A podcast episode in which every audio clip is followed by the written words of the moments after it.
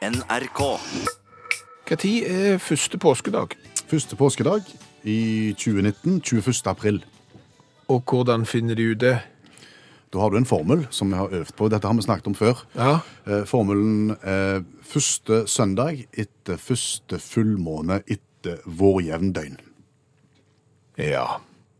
Og, og, og, og hvem er det som har bestemt at det skal være sånn? Det var på et kirkemøte på Ikea for veldig lenge siden. ja, på Ikea, ja. Ja. Eller inn i Ikea. Ikea. Ja.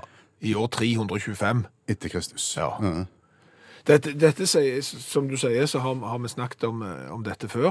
Hvordan vi bestemmer hvilken dag eh, påsken er. Vi har sågar skrevet en sang om det. Ja, eh, vi hører essensen her. Ja, må vi? Ja, for, for det er viktig å forstå premisset her. Ok, Ja. greit. Ja.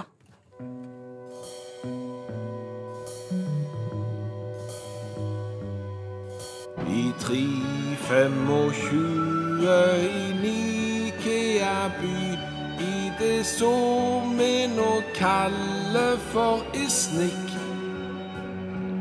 Der satt Makarios, Eusebius og de Og skulle tidfeste feiring av påske. Fra slutten av mars, ja til langt i april Kan jo påsken være svært variabel den faller på den første søndagen som kommer etter fullmånen etter vår hjemdøgn.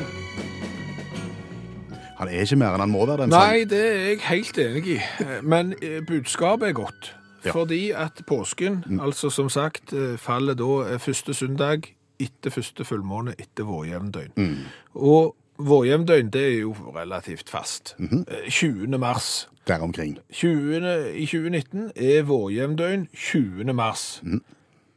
Og dagen etterpå, torsdag 21. mars, så er det fullmåne. Altså i år? Ja, Ok. Da, Og- da blir jo første søndag etter første fullmåne etter vårjevndøgn i slutten av mars. Men likevel så faller han i år på 21. april. ja i år faller han egentlig på første søndag etter andre fullmåne etter vårjevndøgn. Etter dine beregninger. Etter mine beregninger, fordi at langfredag 19. april er fullmåne, eh, men det er jo også fullmåne da 21. mars, som er dagen etter vårjevndøgn. Og dermed så har vi helt aldeles datt av. Er det noen som roter med formelen her nå?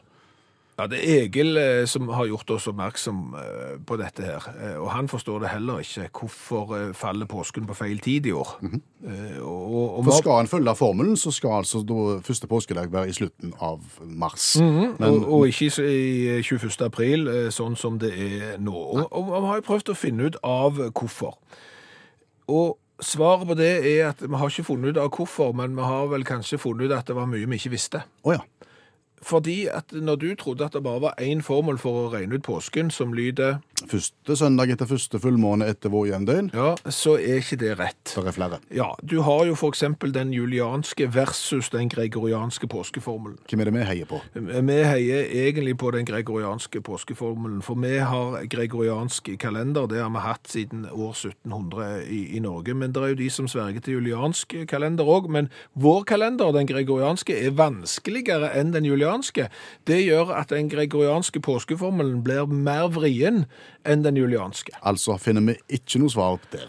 Eh, Ikke etter det vi har grunn til å tro, men så er det jo da flere som har utarbeidet eh, forskjellige påskeformelkalkulatorer, hvis det går an å si det sånn. Eh, Gaus var jo tidlig på banen. Sammen med Roms og Brumund. Ja, Carl Fredrik Gaus publiserte i 1816 artikkelen 'Berichtnung som dem Aufsatze Berechnung das Osterfestes'. Ja, ok, Beregningen av når faller påsken. Ja, og den gjelder både for den julianske og den gregorianske kalenderen. Den er visstnok relativt universell, men den inneholder en hel bråde med bokstaver der K er mot 19, og det, jeg skjønner ingen verdens ting av det. Nei. Det er sånn, hvis D pluss E er mindre enn 10, vil påskedagen være D pluss E pluss 22. Du skjønner at dette er vrient. Og så blir det verre. Verre.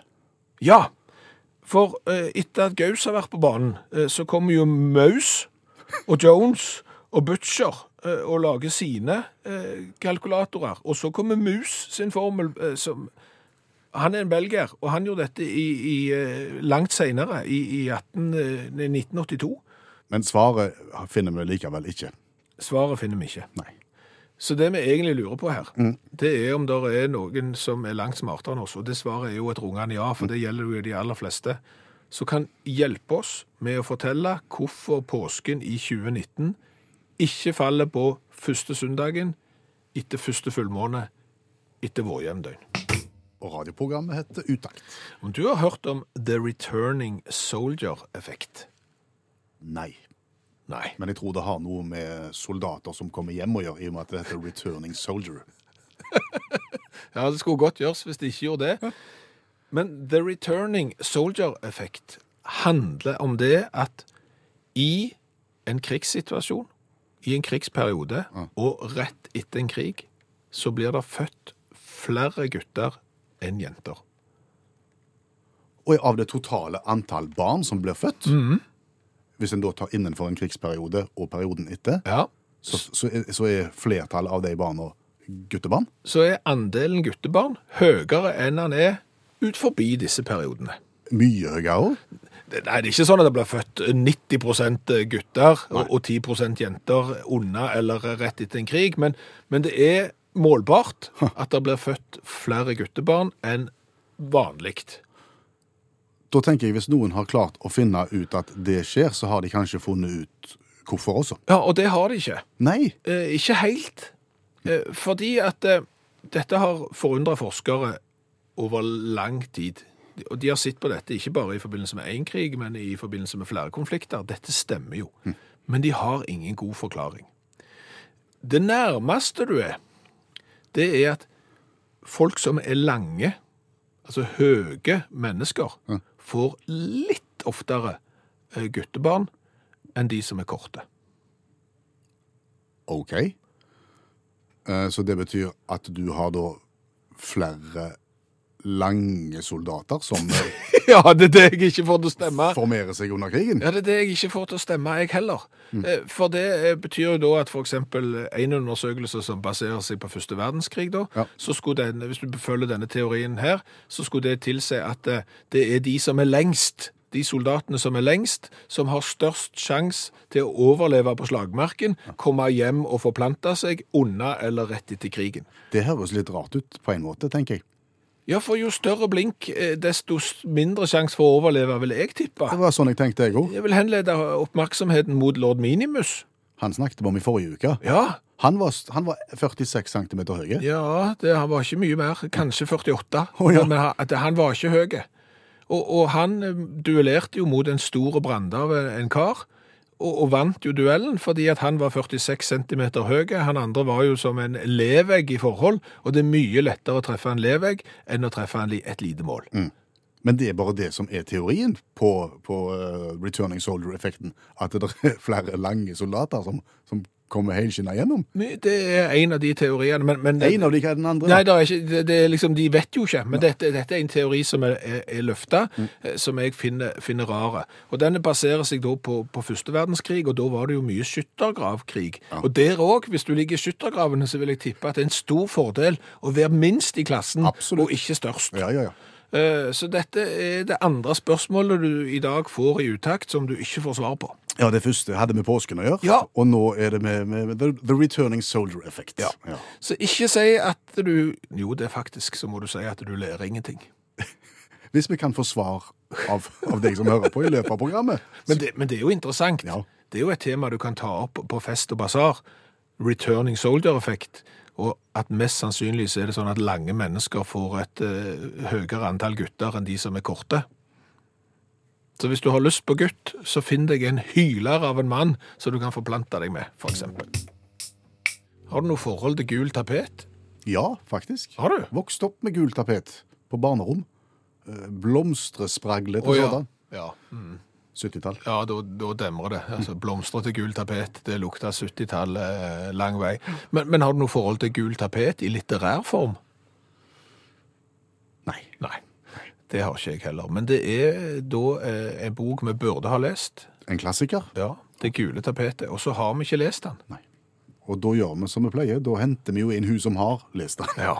Janne Stigen Drangsholt, forfatter og litteraturviter, som tar oss gjennom denne klassikeren. Det gule tapetet på fire minutter. Klar? Ja. Kom an.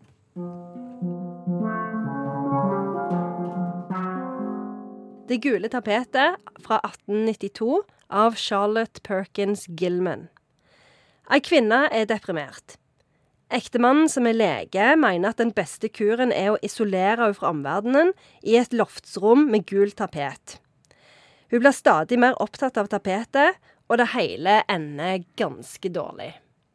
Hvor mange sider trenger forfatteren på å fortelle denne historien? Nei, eh, det er sånn ca. 25 sider. Og det er kort. Ja, det er ganske kort novelle. Eh, og det som er det at hun For hun har jo ikke noe å gjøre inne på det rommet. Sant? Hun er jo bare der hele dagen, for han er på jobb. Sant? Han koser seg jo med lunsj og bagetter sikkert og all slags greier. Mens hun er jo bare inne på det rommet hele tida. Og så eh, eh, blir hun veldig opptatt av tapeten, da. Til å begynne med så syns hun han er veldig sånn stygg, og sånn, men så begynner hun å se at det er ei sånn kvinne som rører seg bak tapeten. Så hun blir veldig opptatt av å, av å frigjøre denne kvinna, da, som er innestengt bak bak hun begynner å bli galen, med andre ord. Hun gjør det. begynner å bli skikkelig galen. Er du deprimert, så er jo resepten å sette folk i isolat. Det har jo vist seg eh, å være en suksessformel mange ganger. Ja. Men sto gul tapet veldig sterkt på 1800-tallet da boka ble skrevet? Nei, eh, det gjorde ikke det. Men, eh, men, men dette, her, dette er et gammelt sånn barnerom, så det er veldig sånn, det er liksom sånn De har spikra sånn planker foran eh, vinduene og og liksom, Det er mye sånn, det er ganske sånn dårlig forfatning, hele dette rommet. Så jeg skjønner ikke helt hvorfor de velger akkurat å bo der. Men dette er en novelle, dette er ikke en roman. Nei, dette er en novelle, så det er en kort tekst. Og Charlotte Perkins Gilman skrev han eh, eh, for å kritisere det som en kalte for hvilekuren på den tida. For det var jo sånn at det, hysteria var jo veldig vanlig blant kvinner. Er det? Eh, det var en sånn en reaksjon som kvinner fikk fordi at de bare skulle elske å spille piano og brodere. Altså kvinner, nå snakker vi middelklassen, da. eh, og hvis de ikke elska det, eh, så var det liksom eh, straffetiltak. Eh, da var de galne, liksom. Eh, og da var det sånn at OK, nå er hun galen. Nå må hun ikke gjøre noen ting. Så da fikk de ikke lov å gjøre noe, og da ble de jo som regel enda dårligere. Så, så eh, eh, For, for det, psykiatrien, de klarte jo egentlig ikke å forholde seg til kvinner i det hele tatt. Altså, de, de trodde jo det var livmora, liksom. Sannsynligvis er det livmora. Ja, I ni av ti tilfeller så er det jo det. Så de visste jo hva det var. Og har du problemer med livmora, da lever det ting bak tapeten. Ja, eller har du problemer med livmora, da må du ligge helt stille hele dagen. Ja, ja. Ja. Hvordan går det med henne til slutt? Nei, det går jo kjempedårlig.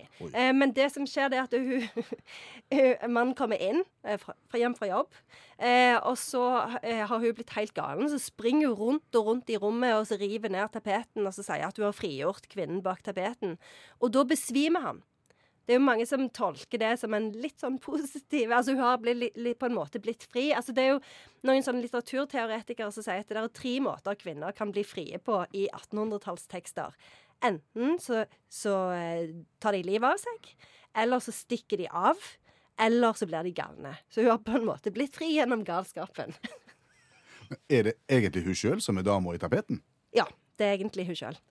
Nå, nå snakkes vi. Dette er veldig sterkt, Per Øystein. Nå skriver jeg en sånn får du en liten stjerne i den boka som jeg har. Er det et berømt sitat fra novellen? Ja. Det er dette.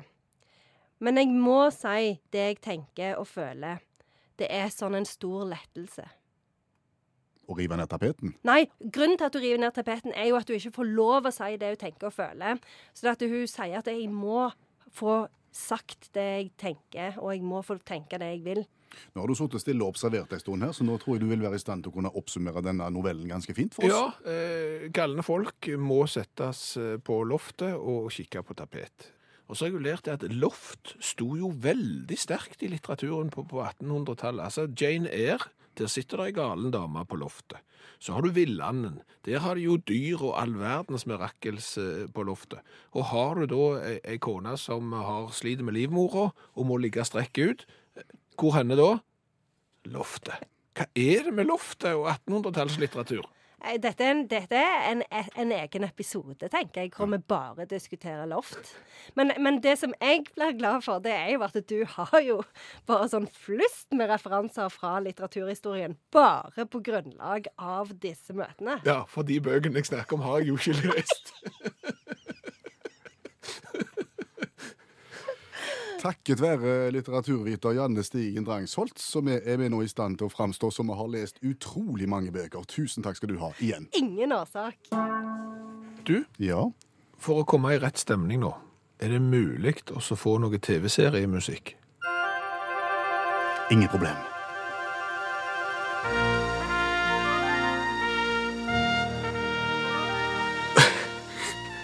Du trengte ikke å framstille oss som om vi er 150 år gamle. Nå kommer Crystal ned trappa. Ber deg om TV-seriemusikk, så kommer du dragende med 1984. Du vil snakke om ny TV-serie? Ja, helst. Jeg vil eh, snakke om at verdenssamfunnet eh, bør sette seg ned, gjerne møtes i FN eller i i Davos, en eller annen plass. Hva med Genéve? Det er òg en fin plass å møtes når du skal vedta noe som skal gjelde for hele verden. Ok, Og, det, og temaet er TV-serier? Ja, og, og det som jeg vil at verden skal vedta, det er at ingen, og jeg setter strek under ingen, skal få lov til å lage en TV-serie med mindre de vet at de har en slutt. Ok, Ja. det gjør de ikke nå, mener du? Om de gjør det, nei. Nei? De vet ikke hvordan det skal slutte? Nei, Jeg har inntrykk av det, og, og jeg har gått i den fella så mange ganger at nå er jeg lei, og det er derfor jeg vil at eh, verdenssamfunnet må reise seg opp og gi beskjed. Hvilken felle er det du går i? Du begynner å se på en TV-serie, og så får du anbefalt eksempel en TV-serie av kolleger på jobb og på Facebook, sånn at den må du se, den er kjempespennende. Så setter du deg ned, og så begynner du å se på en TV-serie. Og så er han kjempespennende. Ja. Interessant, gøy, et eller annet. Så er sesongen over, og så sitter du bare og Kom an nå! Andre sesong begynner. Jeg var ikke så god som første, men jeg var ikke så verst eh, for det. Mm. Så fortsetter det med sesong tre. Så begynner du å lure på hva er det nå de har tenkt. Nå er den ikke så god som andre sesongen heller, og den var ikke så god som første. Og, og noen varer jo og rekker i sesong etter sesong, og det virker som om de overhodet aldri har tenkt å stoppe. De bare fortsetter. De skal skvise i sitron til det er ikke mer juice igjen, og så skal de skvise den litt til. Da, da tenker jo jeg at det er akkurat det de gjør. Fordi de lanserer én sesong, og så opplever de at den var veldig veldig populær. Mhm. Ja. Og den kan vi tjene mye penger på. Ja. Vi lager en til. Ja. Og så gikk det jo ganske godt. Mhm. Ganske mye penger. Vi klarer en til. Ja, jo da, vi klarer en til. Han er ikke så god, men vi tjener penger på han likevel. Og så gjør de sånn med firen, og så femmen, og så seksten. Mhm. Og, så. og til slutt så er det slutt. Ja, til slutt så er det slutt. Men det er jo ikke slutt. Nei. Det, det, det bare fortsetter jo. Altså, Det er jo sesong 9, 10, 11, 12, 13 og, og 14. Og det er jo nettopp derfor jeg etterlyser at de må ha en slutt. At de ikke skal få lov til å gå i gang og produsere før de har en slutt. For det som skjer, er at interessen daler. Folk blir i dårlig humør, iallfall jeg. Jeg blir sur og, og syns at det er ugreit. Og så bare fisler det vekk. Tror du at de hadde en slutt egentlig på sesong én, og de, de, de, de har han på lur? Men så ser de at de tjener penger, og så fortsetter de, så gjemmer de bare slutten. Ja, Eller så bare skriver de fortløpende for å komme, komme på noe. Så av hen, hensyn til publikum, og ikke minst av hensyn til de som skal sitte og skrive disse seriene Du får ikke lov å produsere med mindre du har en slutt, og den slutten skal brukes.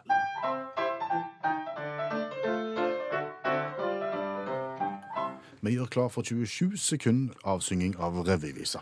Ja, der vi skal kommentere nyhetsbilder. Jeg har fått et eh, tips fra Ingrid Grimstad eh, om, om å kikke på en sak. Eh, og det er nemlig Michelle Kopke, som har en kjæreste som hun kaller for skatten sin. Ja. Schatz. Hun er fra Berlin, så det er bare på tysk, da. aha. Glad i skatten sin. Eh, veldig. Ja. Ja. Eh, ulempen for henne er jo at skatten hennes er da en Boeing 737-800. Et svært passasjerfly. Ja!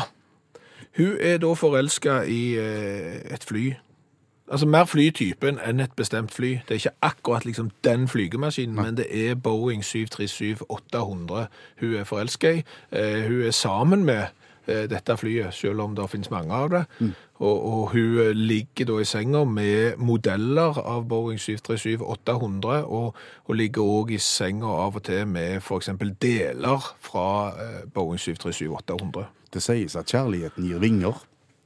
Ja, eh, for så vidt. Og jeg, jeg, jeg har ikke noe imot eh, altså Hvis hun har lyst til å være forelska, og hun har sågar lyst til å gifte seg med, med et fly, eh, så må hun få lov til det. Og, og det er helt greit at hun ligger i senga med flaps òg. Ja. Det gjør meg ingen verdens ting. Det Nei. eneste er at du bare ikke tar flaps fra et fly som allerede liksom trenger det. For det er jo veldig dumt hvis du hører liksom uh, uh, Prepare for landing, uh, cross-check and report, engage flaps. Eh, Vi har ikke flaps, Nei, fordi... sier co-piloten, fordi Michelle har, har tatt flapsen. Så, så det er liksom eh, greia. Nei, så, så dette er jo Det er jo et fenomen at mennesker blir forelska i ting.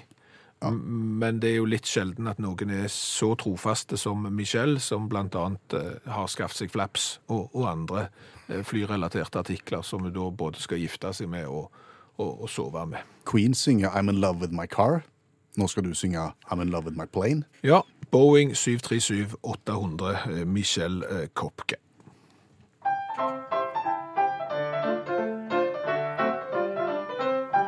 Ja, Michelle gikk på en smell og falt for en helt spesiell, en Boeing 737 av typen 800. På en flyplass i Berlin fant hun maskinen der så fin, en formfull flykjæreste som hun fikk beundre. Frøken Kopke tar modellfly med i senga, eller en flapp som hun kan kose på og klenge. Michelle vil smi mens lenker med et langdistansefly. Bryllupsreisen den vil gå fra by til by. Hvorfor flirer du?